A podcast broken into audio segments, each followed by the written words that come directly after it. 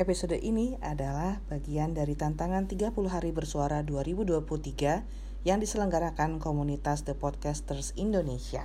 Halo selamat malam, saya baru selesai ujian bahasa Korea nih, jadi saya baru menyapa kamu di malam hari ini pada episode ke-8 dalam bulan Desember ini dengan tema berdaya.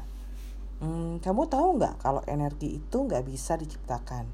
Energi hanya bisa berubah bentuk dari satu bentuk ke bentuk lain. Contohnya, apel yang jatuh dari ketinggian. Dia punya yang namanya energi potensial. Energi ini berubah menjadi kinetik waktu dia jatuh ke tanah. Nah, setiap dari kita, menurut saya, punya energi potensial itu. Bagaimana membuatnya menjadi berdaya? Ada dua faktor. Yang pertama, dorongan atau motivasi internal, dan yang kedua adalah tanda petik paksaan dari orang lain saya mau cerita sama kamu seorang tokoh di Korea Selatan sana yang menurut saya sangat berdaya. Namanya adalah Do Kyung Soo. Nah, buat kamu yang suka K-pop, mungkin kamu udah familiar dengan namanya. Orang yang dikenal dengan nama panggung Dio ini uh, berusia 30 tahun, bergabung dengan SM Entertainment pada usia sekitar 15-16 tahun. Jadi dia direkrut pada sebuah festival sekolah di mana dia bernyanyi dengan grup sekolahnya waktu itu.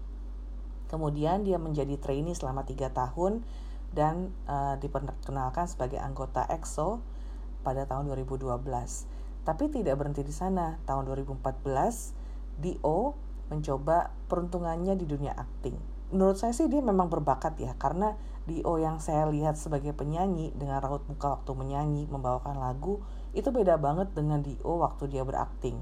Terus terang saya baru pertama kali melihat aktingnya di drama Bad Prosecutor tahun 2021 2022 gitu deh lupa. Nah, waktu melihat di sana karena saya suka sama drama yang bergenre kriminal dan uh, penuntutan hukum ke, uh, sejenisnya jadi waktu saya nonton saya nggak ada harapan lah. Tiga bulan menontonnya sambil menyetrika saya pikir-pikir ini siapa aktornya? Kok bagus gitu mainnya sebagai bad boy sebagai jaksa yang urakan eh ternyata dia Do Kyung Soo. Dia adalah Dio yang setiap kali saya ngelihat uh, movie klip lagu dari EXO tuh nggak nggak apa ya saya nggak ada minat gitu ya karena uh, secara ya ada satu faktor yang menurut saya uh, kurang gitu dimiliki oleh Dio di mana biasanya kan aktor atau penyanyi Korea kan tinggi-tinggi. Nah Dio nggak terlihat terlalu tinggi. Tapi itu karena dia bersanding dengan teman-temannya yang jauh lebih tinggi. Member yang lain kan ada Park Chan Yeol itu tingginya 185 ada Kai sama ada Sehun. Ya dibandingkan mereka ya pasti secara tinggi badan uh, di bawahnya gitu.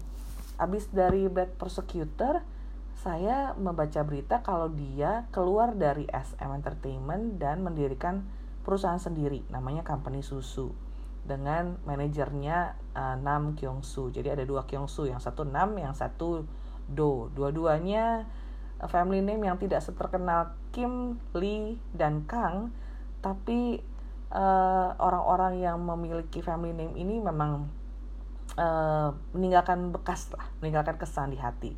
Contohnya aja Nam Joo Hyuk. Aduh, kamu kalau misalnya suka drama Korea nonton deh Vigilante di Disney Plus itu uh, drama walaupun belum selesai itu bagus banget. Lalu uh, saya mulai nih melihat-lihat aktivitas Dio lainnya sebagai aktor maupun sebagai penyanyi. Kesambetlah saya di film layar lebarnya yang berjudul The Moon. Saya nonton itu sama anak saya di bioskop dan saya terkesan banget sama aktingnya sebagai astronot yang tiba-tiba terdampar di bulan tanpa pertolongan. Gimana desperate-nya gimana putus asanya karena di antara hidup dan mati sendirian di space sana. Walaupun saya pertama nonton karena ada Kim Rewon yang uh, harus dihilangkan scene-nya dengan adegan mimisan alias terbentur kepalanya jadi berdarah gitu hidungnya. Tapi saya senang banget nonton film ini. Udah gitu uh, saya mulai dengerin lagunya EXO. Oh lagu dia dulu ding. Album yang pertama yang judulnya uh, apa ya? Kok lupa sih Konggam itu apa? Empathy ya, empathy. Terus yang kedua Gide, expectation.